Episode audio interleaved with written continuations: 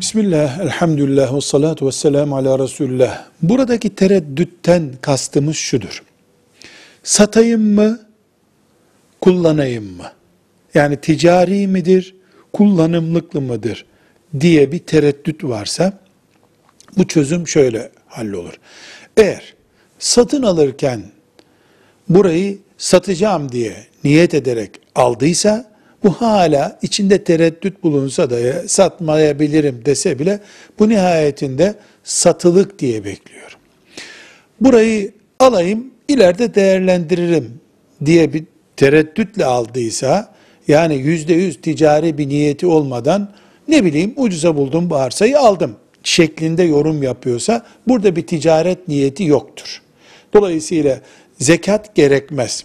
Çünkü zekat ibadettir. İbadetler niyetle hallolurlar. Niyetle yerine gelir. Nasıl namaz kılarken bir Müslüman niyet mi etmedim ama ikinci rekatta niyet ederim diye bir tereddütle namaz kılamıyor.